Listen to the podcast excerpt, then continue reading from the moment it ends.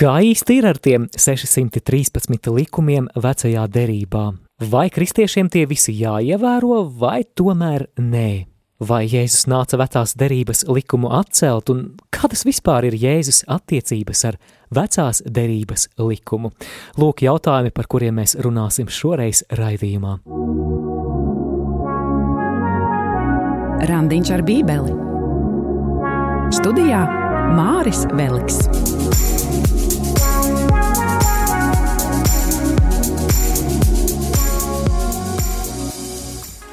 Lai ir slavēts Jēzus Kristus, esi sveicināts Randiņš ar Bībeli 12. epizode – Buldozers vai ceļamkrāns?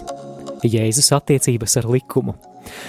Kāpēc buldozers vai ceļamkrāns, lai pagaidām paliek intriga, bet es mazliet ieskicēšu to tematisko lauku, kurā mēs uzturēsimies, tad nu kā īsti ir ar tiem daudzajiem vecās derības priekšrakstiem, vai tie ir aktuāli arī kristiešiem šodien vai nē, jo No vienas puses mēs zinām, ka apustulis Pāvils rakstīja, ka mēs vairs neesam pakļauti likuma prasībām.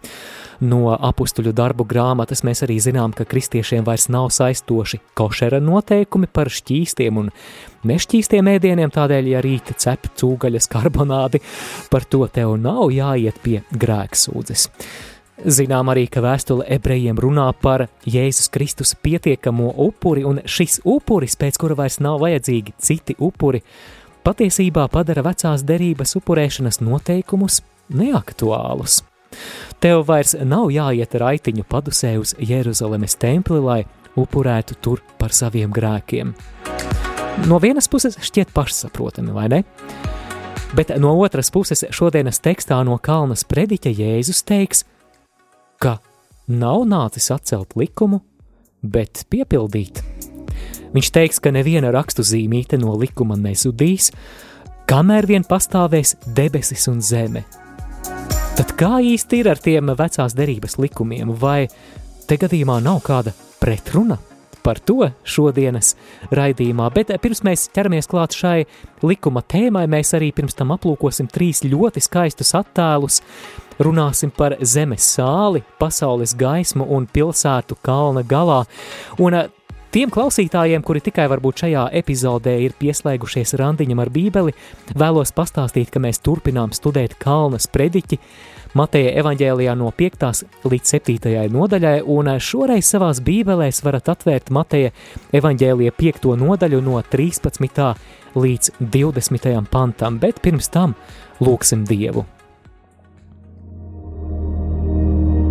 Dieva tēva un dēla un svētā gara vārdā Āmen. Es aicinu tevi, svētais gars, nāc tagad pār katru klausītāju, nāc arī pār mani. Mēs vēlamies saprast tavu vārdu, mēs vēlamies vairāk iepazīt Jēzu Kristu, mūsu kungu un pestītāju.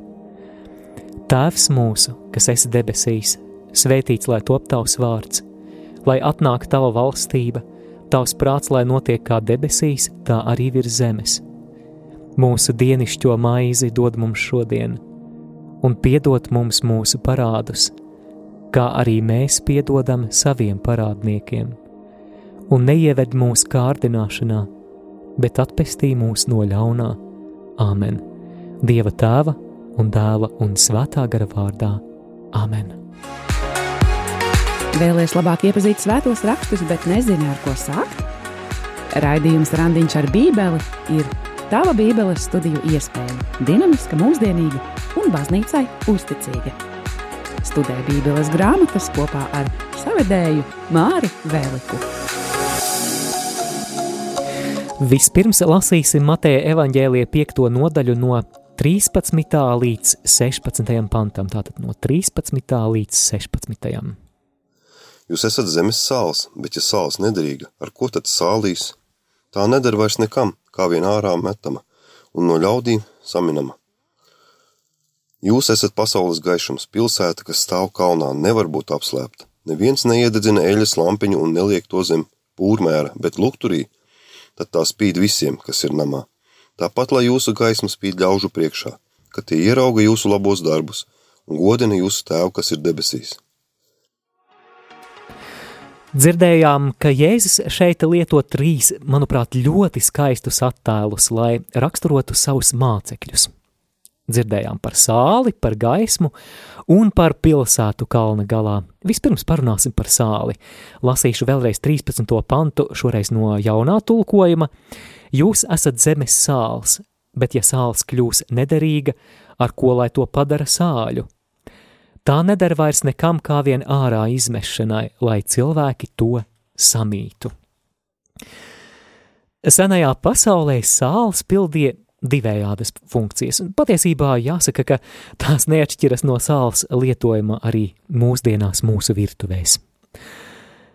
Esat piedzīvojuši, ka, piemēram, nogaršojot pirmo zupas karoti, jūsu acis it kā neviļu sāk klejot pa virtuvi un meklēt, kurā tad plauktiņā ir sāls trauks kaut kā šķiet, ka pietrūkst, vai ne? Gribas, lai būtu mazliet sāļāk, tātad mazliet izteiksmīgāk. Tātad pirmkārt sāls bija garšviela. Bija arī otrs pat vēl svarīgāks sāls pielietojums, un jautājums, vai tu klausītāji karstā vasaras dienā, garā pārgājienā, ņemtu līdzi mugursomā ceptu karbonādi. Iespējams, varētu riskēt, tomēr eh, jārēķinās, ka, ja diena ir ļoti, ļoti karsta un arī mugursomā ir karsti, tad eh, karstumā šis gaļas produkts var sākt ātri bojāties, un tad jau pusdienlaikā varbūt var izrādīties, ka šis gaļas izstrādājums ir atdodams kādiem meža zvēriņiem par barību. Savukārt, kā būtu ar sālītes peķa ņemšanu līdzi? No cita lieta noteikti skan pie rādio aparātiem. Par sālītu speķi nu, jau justos daudz drošāk, vai ne? Daudz drošāk, ka viss būs kārtībā. Kāpēc? Sāls pasargā produktu no ātras bojāšanās. Tātad svarīga sāls funkcija bija pārtikas iekonservēšana, jeb pasargāšana no bojāšanās. Kā tas attiecās uz Jēzus mācekļiem? Gluži kā sāls, Jēzus mācekļi ir aicināti būt gan par garšvielu, gan par konservantu šajā pasaulē. Kā garšvielai Jēzus māceklim jāpadara šī pasaule labāka ar savu dzīvi, ar savu sludināšanu, ar saviem piemēriem, savu dzīves piemēru. Savukārt, kā konservantam, Jēzus māceklim, tātad tev klausītāji, ir aicinājums būt par tādu kā morālu dezinfekcijas līdzekli šajā pasaulē. Šajā pasaulē, kura mēs zinām, ka tik viegli var zaudēt savus vērtību orientierus. Un pasaule, kura ir zaudējusi savus vērtību orientierus, jeb drošo pamatu zem kājām, pakļauj sevi slimībai, novārkšanai, Es par to metaforiski runāju, protams. Atcerēsimies, piemēram, Romas impērijas sabrukumu. Droši, dārgo klausītāji, tu drīksti strīdēties ar mani, ja nepiekrīti tam, ko es teikšu, bet es domāju, ka šobrīd rietumu kultūra ļoti acīm redzami noārda pamatus, kuri to ir balstījuši gadsimtiem ilgi. Pat nenojaušot īstenībā reizēm Kādas varētu būt sekas? Mēs dzīvojam tādā noliegumā, piemēram, caur ģimenes jēdziena pārdefinēšanu, par daudzu citu vērtību pārbīdēm. Un te tāds retorisks jautājums varētu būt, vai baznīca šodien ir efektīva kā sabiedrības dezinfekcijas līdzeklis, jeb konservants. Jēzus brīdina šajā 13. pantā, 13. panta otrajā daļā, ja sāls kļūst nederīga, ar ko lai to padara sāļu? Tā neder vairs nekam kā vien ārā izmešanai, lai cilvēki to samītu. No ķīmijas viedokļa nātrija chlorīds, jeb vārāmā sāls, savu sāļumu nevar zaudēt. Kāpēc tad Jēzus runā šeit par sāles kvalitātes zaudēšanu? Jo tajā laikā Palestīnā sāli galvenokārt ieguva sāles ieguvējs Nāves jūras reģionā, un atšķirībā no šodien veikalā nopērkamās vārāmās sāles, tajā bija ļoti daudz pieaugumu. Ņemot vērā, ka sāls šķīst vieglāk nekā pieaugumi, varēja gadīties, ka paliek pāri tikai pieaugumu sauja, ka sāls ir, jeb šis nātrija chlorīds ir iztecējis. no tāda garīgā viedokļa, un, un šīs ir tādas manas pārdomas par šo tēmu, manuprāt, Jēzus sekotāji zaudē savu sāļumu, jeb proti sabiedrību dezinficējošās īpašības, ja pielāgojas pasaulē. Un, manuprāt, mūsdienu kristietības briesmas ir saistītas ar tādu kārdinājumu parādīt apkārtējai pasaulē tādu pūkainu, nekaitīgu, ļoti tolerantu kristietības tēlu, lai pasaulē pēdiņās iepatiktos. Mēs varbūt aizbildināmies ar dialoga nepieciešamību, ar nepieciešamību saprast viens otru, kas, protams, protams, līdz zināmai robežai ir labi, ja vien mēs nenotušējam to, kas ir patiesība. Man nāk prātā, ka Savulaik es piedalījos kādā kristīgā jauniešu nometnē, un kāds garīdznieks teica, ka nu, varbūt uz tā banera tam jauniešu sketčiņam varbūt tomēr nevajadzētu rakstīt vārdu grēks, bet nu, varbūt kaut kā maigāk izteikt. Un tad tu, te man rodās jautājums, kā mēs varam pildīt šīs sāls saglabājošo un dezinficējošo funkciju, ja mēs pat vairs neesam gatavi runāt par to, ka grēks ir.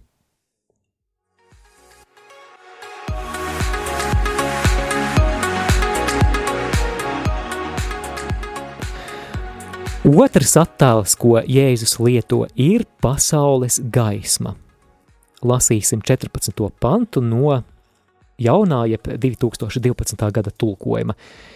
Jūs esat pasaules gaisma. Pilsēta, kas atrodas kalnā, nevar būt apslēpta. Lasīšu arī 15. pantu. Gaismekli iededzis neviens to neliek zem pūra, bet lukturī, un tas spīd visiem, kas ir namā. Gaismai Bībelē, protams, ir ļoti liela nozīmju bagāža. Tā ir simbols tīrībai, kas ir pretstats netīrībai. Gaisma varētu būt arī simbols patiesībai, kas ir pretstats meliem un maldiem. Gaisma ir simbols arī dievišķai atklāsmei un dieva klātbūtnei. Starp citu, vakara vakarā es devos nelielā rožu kroņa lūkšanas pastaigā, Es devos pa meža taku, un kamēr acis vēl nebija apradušas ar tumsu, es īsti neredzēju taku zem kājām. Un es zināju, ka šeit kaut kur priekšā jābūt laipai, bet es to šobrīd neredzu. Es galu galā negribu iekrist grāvī, tāpēc es ieslēdzu lukturīti mobilajā telefonā. Un tur, kur ir gaisma, mēs varam atrast ceļu, un viss ir skaidrs. Tad nu par kristiešiem, jeb Jēzus sekotājiem kā pasaules gaismu. Vispirms mēs zinām, ka, piemēram, pravieša Jesajas grāmatā 42. nodaļā 6. pantā runāts ir par Dieva kalpa misiju būt par gaismu tautām. Mēs zinām, ka Dieva kalps ir jaunās derības kontekstā identificējams ar Jēzu Kristu. Savukārt šeit Kalnas prediķī Jēzus šo gaismu piedēvē arī saviem mācekļiem, kuri drīz tiks aicināti ņemt dalību Jēzus sludināšanas un atbrīvošanas misijā, un vēl saskaņā ar pravieti Jesaju 60. nodaļā no 1. līdz 3. pantam, arī Izrēļa tautai ir jābūt par gaismu citām tautām. Es nolasīšu tātad Jesajas, jeb Isaja 60. nodaļa, no 1. līdz 3. pantam. Celies un staro, jo nāk tava gaisma, kunga godība pār tevi attaususi. Redzi, krēsla apklāja zemi un tumsa tautas, bet pār tevi attausīs kungs, un viņa godību redzēs pār tevi.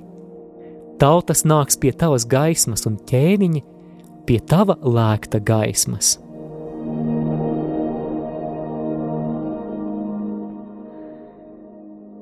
Trešais tēls šeit ir pilsēta kalna galā un lasīšu 14. panta otro pusi. Pilsēta, kas atrodas kalnā, nevar būt apslēpta. Es zinu, ka daudz no jums, dārgie klausītāji, esat bijuši svētceļojumā uz Svēto zemi. Vai esi bijis tā saucamajā svētību kalnā pie Galilejas ezera? Tiek uzskatīts, ka tā varētu būt tā vieta, kur Jēzus ir pasludinājis šo savu kalna sprediķi, un es atceros, kā es apmeklēju Izrēlu pirmo reizi 2009. gadā, un atceros, kā no augšas, skatoties uz skaisto Galilejas ezeru, es sāku pievērst uzmanību apdzīvotajām vietām pakalnu nogāzēs.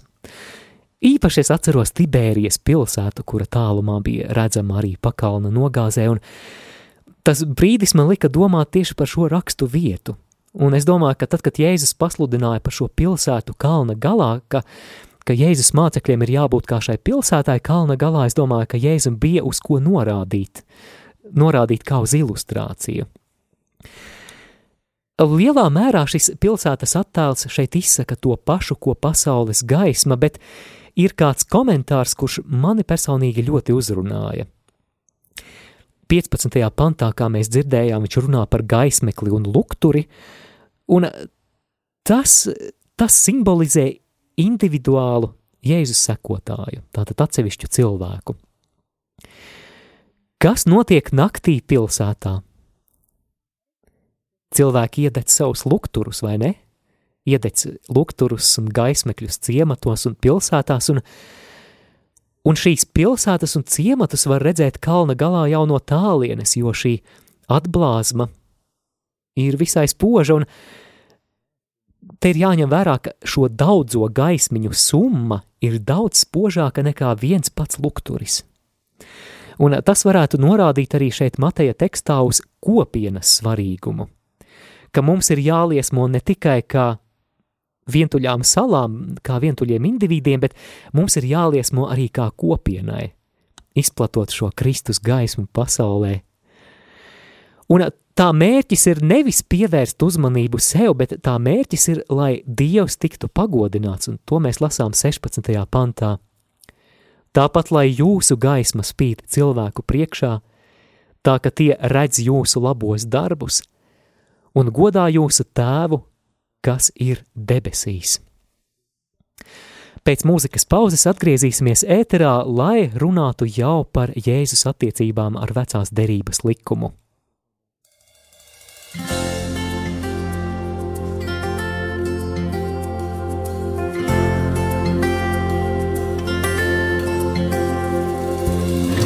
Sapņi zudušie atkal uzplaukst un zied. Sirdis kumušās, atkal līksmo un dzied.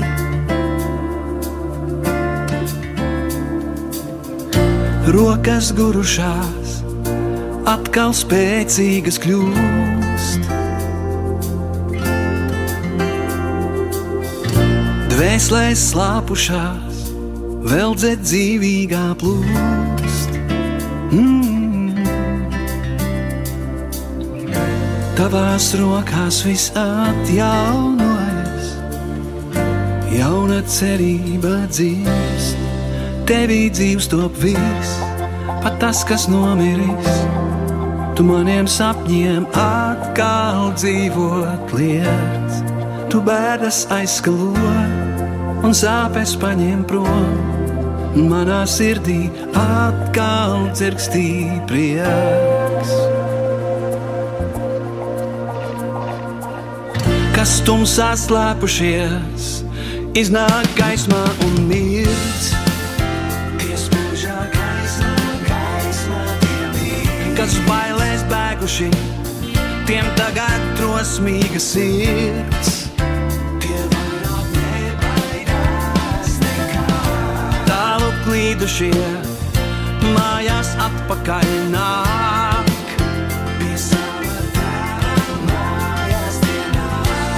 Balsis klusušās, atkal gavilēt sāk.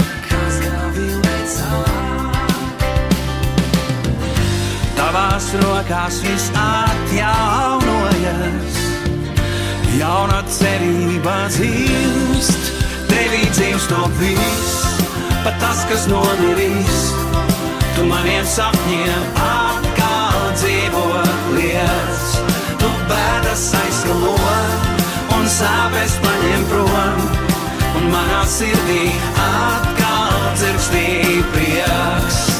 Tevī dzīves no viss, pat tas, kas nomiris, tu maniem sapņiem atkal dzīvo liels. Tu bēdas aizsalo un sāpes paņem prom, un manā sirdī atkal.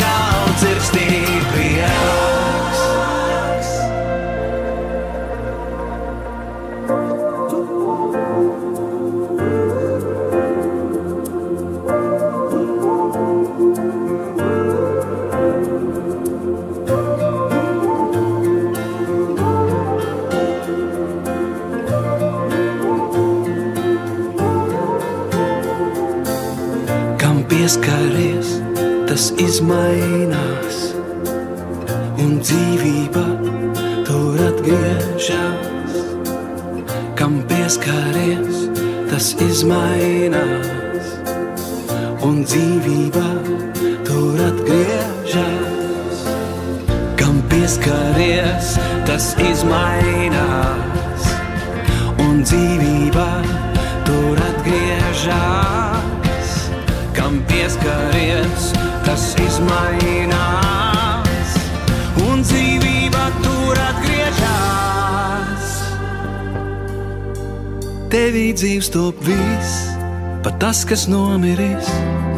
Tu maniem sapņiem atkal dzīvot lietas, tu bēdas aizskalo un sāpes paņem prom, un manā sirdī atkal dzirkstīja prieks. Valdis Indrišānoks dziesma tevī dzīves top viss. Pie mikrofona šeit raidījumā randiņš ar bībeli es Māris Veliks un atgādinu, ka šoreiz mēs studējam fragmentu no Kalnas prediķa Mateja evaņģēlijā, proti to lasām 5. nodaļā no 13. līdz 20. pantam.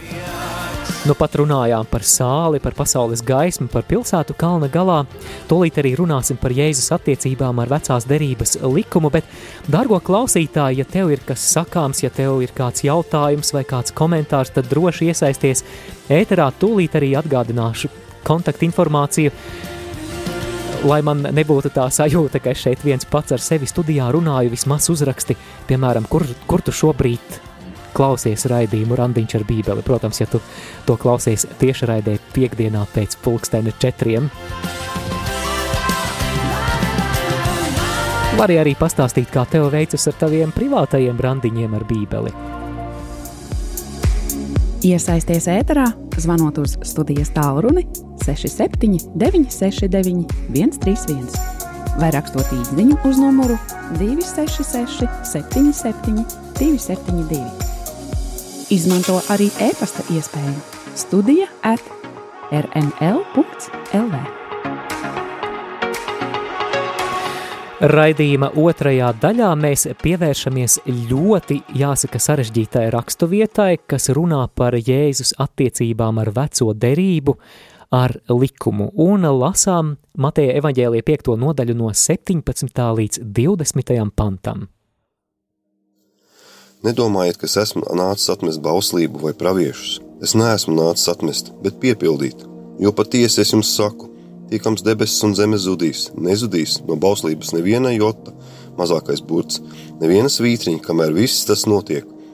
Ja kāds tad atmet tikai vienu no šiem vismazākajiem baušļiem un tā māca ļaudis, tās būs vismazākais debesu valstībā. Bet ja kas dara un māca neatmestams, tas būs liels debesu valstībā. Jo es jums saku, ja jūsu taisnība nav pārāka par rakstu mācītāju un farizēju, tad jūs nenāksiet debesu valstībā. Centīsimies tad eh, kopīgiem spēkiem tikt eh, galā ar šo ļoti sarežģīto rakstu vietu, tāpēc te būs vajadzīga mazliet pacietība un koncentrācija. Mēs dzirdējām, ka Jēzus šeit runā par savām attiecībām ar veco derību. Iespējams, tajā laikā pret Jēzu jau, varbūt īpaši no farizēju un rakstu zinātāju vidus, tika izvirzīti pārmetumi. Vai gadījumā tas Jēzus nav, nav ieradies šeit, lai apšaubītu svēto rakstu, proti vecās derības rakstu autoritāti, un vai gadījumā viņš šeit nav ieradies, lai ar buldozeru aizslaucītu toru, jeb ebreju svētos rakstus, jeb to, ko šodien mēs pazīstam kā veco derību.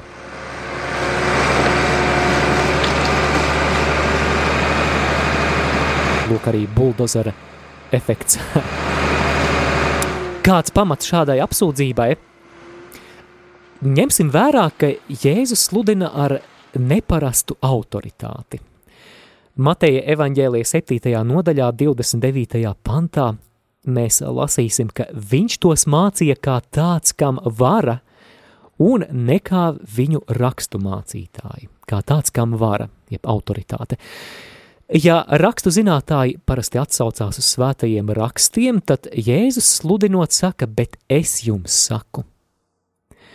Tad, ja nu viņš norāda uz sevi kā autoritāti pretstatā Torai, tad kas īsti ir šis sludinātājs? Vai, vai tik viņš nav nācis atmest likumu pra, un praviešus, vai gadījumā viņš nav šeit atbraucis ar buldozeru?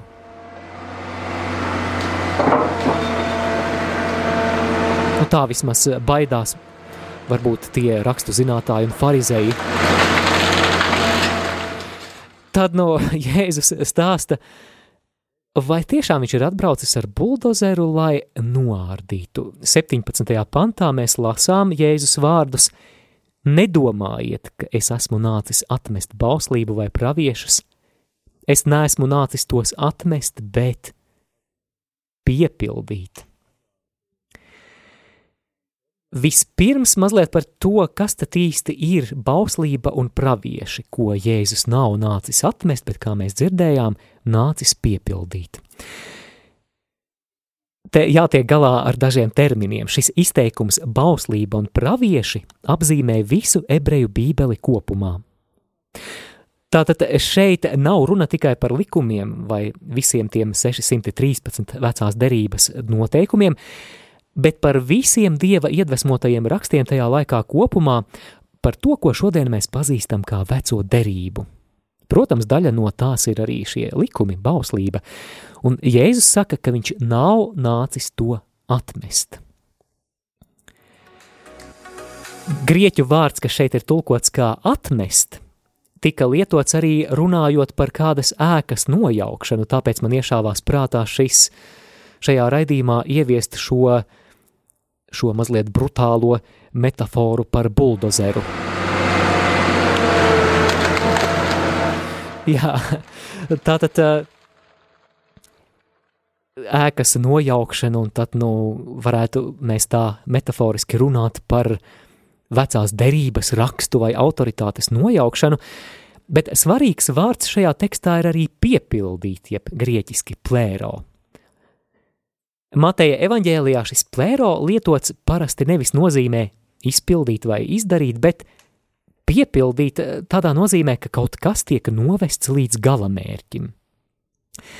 Matejs šo vārdu piepildīt pārsvarā lieto tā saucamajos piepildījuma citātos, atcerēsimies, kas tas ir.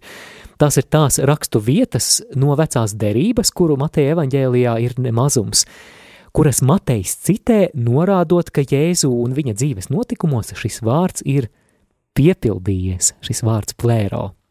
Tātad šis vārds piepildījies pārsvarā lietot svēto rakstu piepildīšanās kontekstā. Šeit, dārgo klausītāji, ieviesīsim jaunu, jeb ceļam krāna metaforu. Ceļam krāns ir nepieciešams, lai kādu iesāktu būvi novestu līdz gala rezultātam. Varētu sacīt līdz projekta piepildījumam.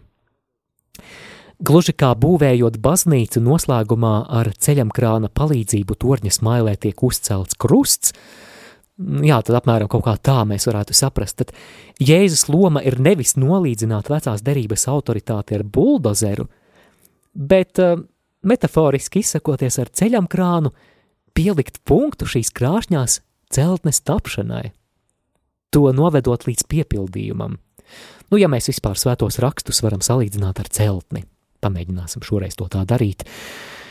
Jēzus uzdevums ir atklāt šīs celtnes jēgu, un jēga, kā izrādās, patiesībā ir viņā pašā. Viņš ir atslēga visiem vecās derības tekstiem.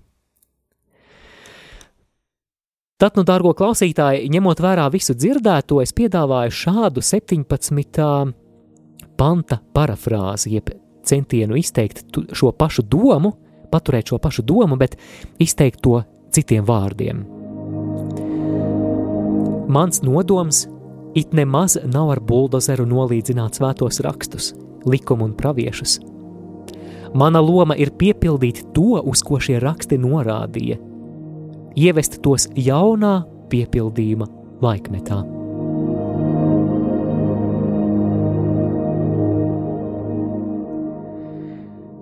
Kā saprast to, ka Jēzus šos rakstus piepilda arī saistībā ar likumu? Sarežģīts jautājums. Mēs tiksim galā ar visiem sarežģītiem jautājumiem. Ja tev gadījumā kaut kas šķiet pārāk sarežģīti, tad uzdod papildu jautājumus, droši iesaisties ēterā. Bet eh, tātad, eh, kā saprast, ka Jēzus šos rakstus piepilda? Lai to saprastu, aicinu tevi nelielā ekskursijā uz veco derību. Atcerēsimies, ka Mūzes vadībā tauta izceļo no Ēģiptes un Sinaja kalna pakājē, Dievs slēdz derību ar savu izvēlēto tautu. Jūs būsiet mani priesteri un visām tautām atspoguļosiet manu raksturu un būtību. Lūk, aicinājums Izraēļa tautai, un tautas atbildēji uz šo derību bija jābūt baušļu un priekšrakstu ievērošanai. Dargo klausītāji, kā viņiem veicās? Pilnīga izgāšanās. Pilnīga izgāšanās jau drīz mēs lasām gan par zelta teļa notikumu, un tad vēl citas neveiksmes un citi kompromisi ar grēku. Bet dievam padomā jau ir risinājums. Dievs nezaudē cerību šajā ziņā, ka tauta ir izrādījusies neusticīga šai derībai, kas ir noslēgta Sinaja kalna pakājē. Dievam padomā jau ir cits risinājums, un pravieša Jeremijas grāmatā ļoti viegli iegaumēt šīs koordinātes. Varat pierakstīt 31, 31, tātad Jeremijas 31, 31 ir pravietojums par jauno derību – apsolījums, ka būs jauna derība, tātad pretstatā šai Sinajas derībai. Tātad caur pravieti Jeremiju Dievs apsola, ka viņš dibinās jaunas un citādākas attiecības starp sevi un savu tautu. Un jaunajā derībā mēs zinām, ka te ir runa par jauno derību Jēzus asinīs. Jeremija tātad šajā 31. nodaļā pravieto, ka Tora jeb likums būs ierakstīta sirdī. Tātad vai Tora ir atcelta, būs atcelta? Nē. Tās būs jaunas attiecības ar šo Toru, ar šo likumu. Jeremija raksta, ka Dievs ierakstīs savu gribu sirdīs. Un paklausība Dievam kļūs dabiska caur piedošanu, ko Dievs dāvās. Tad nu nāk Jēzus, šis ķēniņš, Dāvida dinastijā mesija, un viņš noved šo bauslību līdz dziļākam līmenim, līdz piepildījumam. Jā, šie vecajā derībā lasāmie 613 bauslības priekšraksti ir labi. Tā ir Dieva griba noteiktam posmam pestīšanas vēsturē. Neliels salīdzinājums. Tā ir kā tāda gammu un vingrinājumu spēlēšana – kas sākotnēji šķiet nesaskanīga, varbūt nesaprotama, bet vēlāk kļūst par pamatu tam, ka mēs varam spēlēt sonātes. Tātad šajā jaunajā derībā, ko Jēzus ir atnācis iedibināt, likuma prasība vairs nebūs ārēju sīku priekšrakstu saraksts, bet iekšēja vajadzība iekšēja prasība, kas mūs mudina tiekties pēc tā, lai mēs savā dzīvē izpildītu Dieva gribu. Un, dārgo klausītāji, es domāju, ka ja tu savā dzīvē esi tā apzināti piedzīvojis atgriešanās pieredzi, kad Dievs tev pieskārās, kad Dievs tev deva šo metanoju, šo, šo atgriešanos dzīves virziena maiņu, tad kaut ko līdzīgu tu piedzīvoji savā dzīvē, ka nākot pie Jēzus un atdodot viņam dzīvi, tu esi sajutis, ka, ka dieva griba, ka dieva baušļi vairs nav kaut kādi ārēji priekšraksti uz akmens plāksnēm, bet ka tie sāka kļūt par tādu iekšēju vajadzību. Vai kāds teiks āmen? Jā, droši, droši klausītāji iesaisties ēterā. Un vismaz padot ziņu, kur tu šobrīd dzirdes. Saku paldies klausītājai Ilzei, kura raksta Māri silts sveiciens un paldies par gaišo raidījumu. Tu neesi viens. Pateicīga klausos radio no savas virtuves. Paldies, Ilze, paldies, prieks saņemt un sajust, ka tiešām es neesmu viens. Jo viena lieta ir runāt kaut kur lielas auditorijas vai mazākas auditorijas priekšā, bet cita lieta ir šeit radio, ka tu nevienu neredzi un ka nevar saprast, vai tevi kāds dzird vai nē. Bet atgriežamies pie mūsu tēmas. Tātad likuma prasība vairs nav ārējo priekšrakstu saraksts, bet iekšēja vajadzība. Tā ir iekšēja prasība. Tātad Jēzus mūs arī atgriež pie likuma gara, kuru mēs bijām aizmirsuši aiz likuma burta. Kā mēs tālāk arī lasīsim Kalnas prediķi, viņš padziļinās izpratni un liks izsargāties no tādas virspusējas attieksmes, ka mēs nu, tā ķeksīti varam ievilkt un mēs esam kaut kādu likuma prasību izpildījuši. Tāpēc nodaļas turpinājumā vairāk kārt mēs dzirdēsim formulu, ka jūs esat dzirdējuši, piemēram, tev nebūs nokaut, bet es jums saku, un tālāk Jēzus padziļina. Tas mums nākamā raidījuma temats ir. Tātad vecās derības svētie raksti paliek autoritatīvs Dieva vārds. Un to apstiprina arī 18. un 19. pants, kurā es aicinu tagad ieklausīties. Jo patiesi es jums saku, iekāms debesis un zeme zudīs, pat vismazākais burts un rakstu zīme no bauslības nezudīs, līdz tas viss notiks. Kas atmetīs kaut vienu no šiem vismazākajiem baušļiem un tā mācīs cilvēkus, tas tiks saukts par vismazāko debesu valstībā. Bet kas tos pildīs un mācīs, tas tiks saukts par varenu debesu valstībā.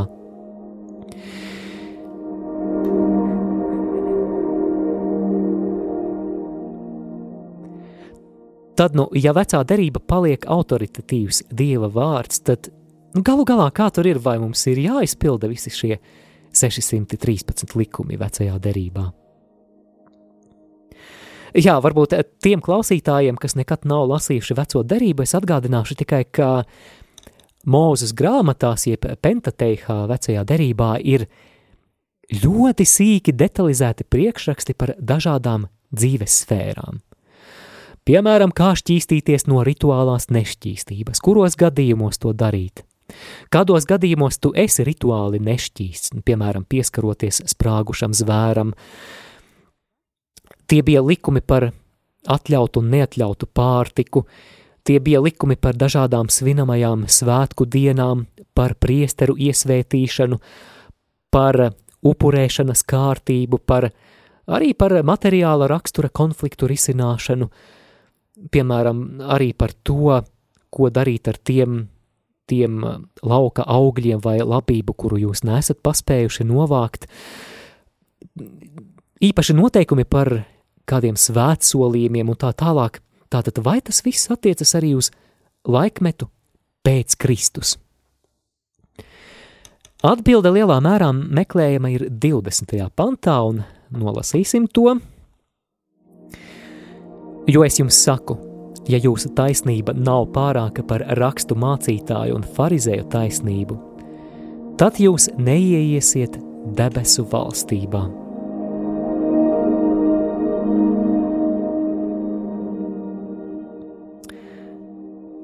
Pakomentēšu.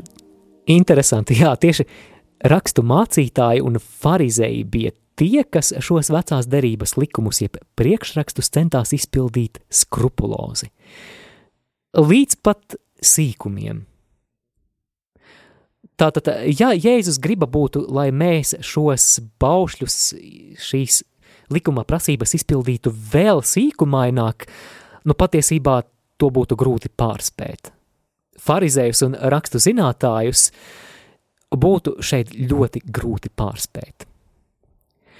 Jēzus šeit saka, ja mēs taisnību saprotam, kā to saprot farizēji un rakstu mācītāji, tad ar to nepietiek. Tātad šeit nav runa par tādu skrupulozu, sīkumainu, detalizētu šo baušļu izpildi farizēju un rakstu zinātāju gaumē. Bet kas tad tiek sagaidīts?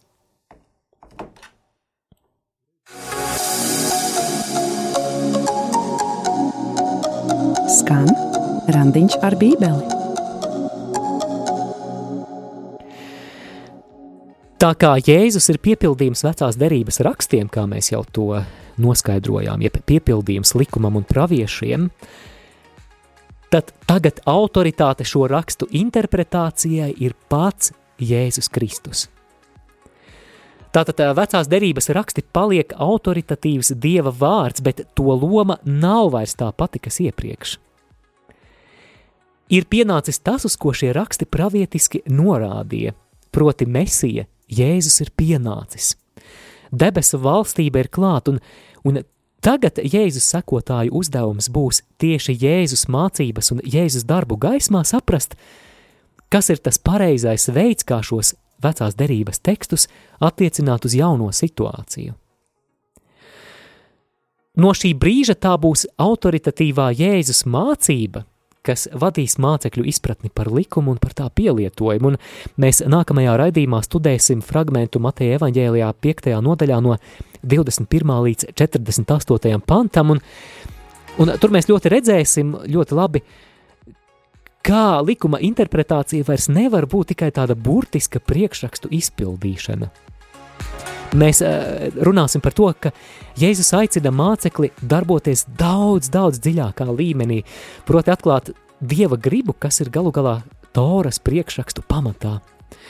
Tur mēs lasīsim tālāk par to, ka, piemēram, tev nebūs nogalināti, bet Jēzus teiks, ka, ka mums pat dusmoties, mēs, mēs nedrīkstam pieļaut to, kas ir slepkavības sakne, proti dusmas pret brāli, ka, ka tā ir tā sakne, ar kuru vispirms ir jātiek galā. Mēs tur arī dzirdēsim, piemēram, par laulības pārkāpšanu, un ka nepietiek sev tā uzsist pa plecu, ka e, e, es esmu izpildījis šo bausli, tev nebūs laulība pārkāpt, tad, ja es neesmu gājis pie cita vīrieša sievas un ar viņu pārgulējis. Jēzus aicinās atklāt tādu daudz dziļāku sirds motivāciju, kas parasti ir laulības pārkāpšanas pamatā. Proti, Jēzus aicinās pievērst uzmanību iekārē, kas ir mūsu sirdī.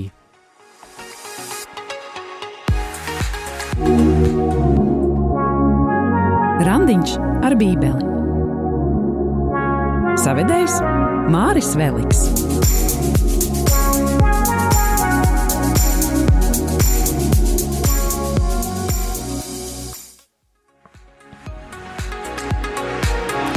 Paldies klausītājiem par atsūtītajām īziņām. Pēc, pēc brītiņa arī tās steigšu nolasīt, bet neliela, neliela arī mūzikas pauzīte.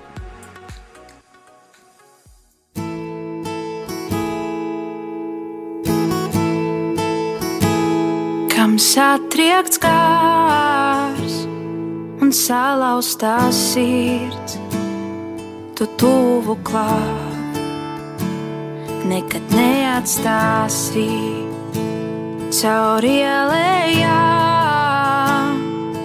Mani tu nes, es neesmu viens, tu esi man klāt, kam satriekts kārs un salauztā sirds, tu tuvu klāt nekad neatstāsi cauri ielējām.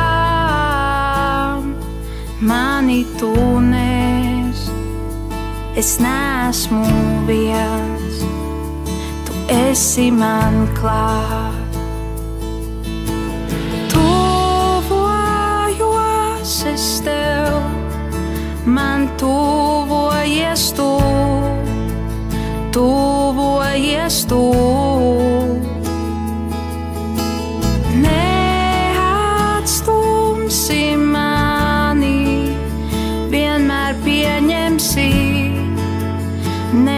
neatlaidīsi.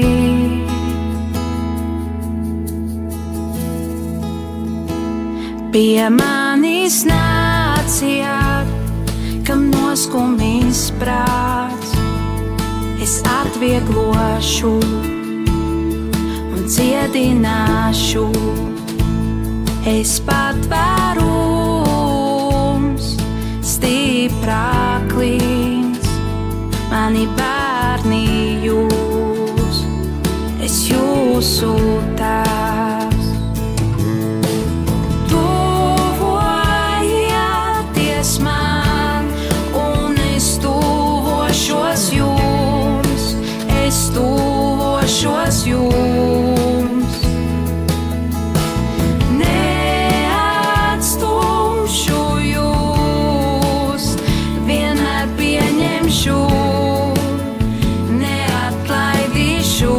Savu skanējumu turpina raidījums Randiņš ar Bībeli. Tavs savedējs Randiņā ar Bībeli Māris Veliks šeit pie mikrofona studijā.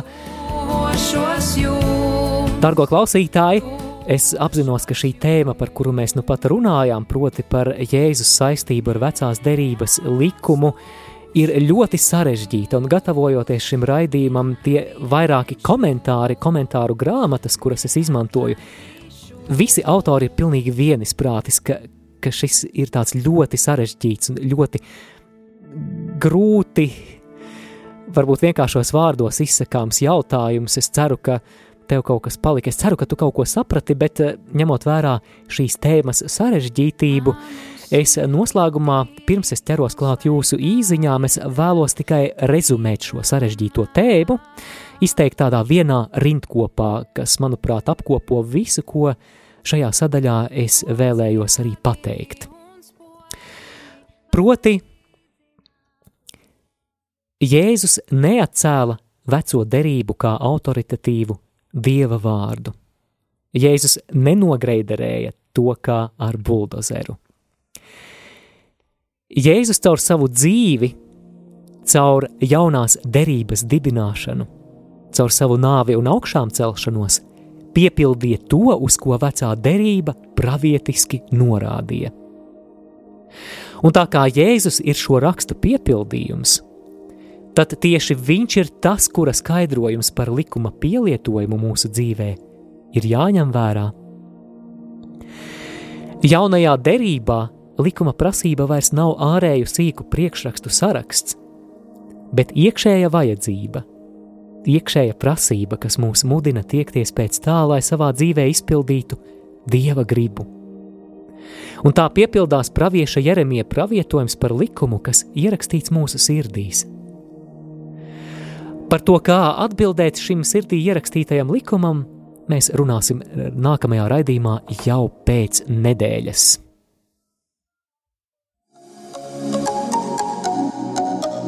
Skan randiņš ar bībeli.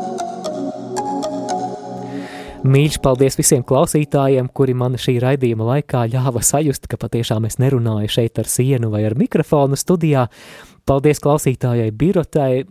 Biruta raksta, klausos raidījumu ar lielu prieku un interesi, jo padziļina izpratni un vēlēšanos lasīt Bībeli ikdienā. Paldies, Biruta! Patiešām viens no šī raidījuma mērķiem ir veicināt šo Bībeles lasīšanas kultūru un arī izpratni par Bībeli, un ja kādu tas iedvesmo uz privātiem randiņiem ar Bībeli, nu tad, tad man patiešām prieks to dzirdēt. Anna arī raksta paldies par saturīgo raidījumu. Paldies, Anna, lai Dievs svētī. Tā, tad vēl kāds klausītājs ir uzrakstījis vārdu ticība. Es gan nezinu, kas ar to domāts, bet paldies! Ticība, laba lieta. Paldies arī klausītājai Anitai, kura raksta slavēts Jēzus Kristus. Klausos guļam istabā pie rakstām galda, jo paralēli strādāju. Pamazām pieradinu sevi pie privātiem randiņiem ar bībeli. Šobrīd aizraujos ar psalmiem. Paldies tev, Māri, par raidījumu un regulāru atgādinājumu privātam randiņam ar bībeli. Ar mīlestību, Anita. Jā, patiešām vēlreiz arī atgādināšu noslēgumā, ka šis raidījums Gluži kā uztura bagātinātājs neaizstāja pilnvērtīgu un sabalansētu uzturu, neaizstāja tavus personiskos, privātos randiņus ar Bībeli. Ja šis raidījums var tev sniegt kādas atslēdziņas, kuras tev noderēs tavās privātajās Bībeles studijās, tad pateicība Dievam. Patiešām Dievs pirmkārt strādā tur, kur mēs paši pavadām laiku ar viņu lūkšanā un arī Dieva vārda lasīšanā. Jānis ir uzrakstījis jautājumu, kas gluži varbūt nav par šī raidījuma tēmu, bet jautājums ir, vai katrs cilvēks ir Kristus brālis? Paldies, Jāni, par jautājumu. Es atbildēšu uz šo jautājumu. Baznīca māca tā, ka par Dieva bērniem mēs tiekam pieņemti kristībā kristības sakramentā, un tā ir katoliskās baznīcas mācība. Un tad šis kristības brīdis, kurā mēs tiekam integrēti šajā dieva ģimenē, baznīcā, kurā mēs, kā katehismā ir rakstīts, mēs kristībā topam par Kristus miesas locekļiem, par svētā gara templi un par dieva tautas locekļiem, tad no šis, var, šis ir arī tas brīdis, kad ja mēs esam šajā dieva ģimenē, tad mēs varam saukties par Kristus brāļiem. Savukārt, ja mēs paplašinām šo tematu uz vārdu tuvākais, tad, piemēram, līdzībā par žēlsirdīgo samarieti, tad mēs zinām, ka tuvākais principā ir jebkurš cilvēks, ka tuvākais var būt cilvēks, par kuru mēs varbūt pat vismazāk varam iedomāties, ka šis cilvēks ir saucams par tuvāko. Es ceru, ka vismaz daļēji atbild uz jūsu jautājumu, Jāni, bet paldies jums par iesaistīšanos. Un raidījuma noslēgumā tad arī aicinu uz kopīgu lūkšanu, vēl tikai atgādinot, ka, ja jums ir kādi ieteikumi, kā šo raidījumu veidot labāk, saprotamāk, tad es ļoti priecāšos arī saņemt jūsu atsauksmes un ziņas, jebkurā laikā uz e-pasta adresi randiņš ar bībeli at gmail.com. Tātad randiņš ar bībeli at gmail.com. Nākam Dieva priekšā. Mīļais Dievs, mēs pateicamies par šo iespēju pavadīt laiku, studējot Tavu vārdu, un es lūdzu par ikvienu klausītāju, lai Tu sveitī viņus, lai katram ir kāda vērtīga doma, ko paņemt līdzi un pārdomāt, un es lūdzu arī nāc svētais gars un iedvesmo uz privātiem randiņiem ar bībeli. Gods lai ir tēvam un dēlam un svētajam garam, kā tas no iesākuma ir bijis, tā tagad un vienmēr un mūžīgi mūžam. Amen!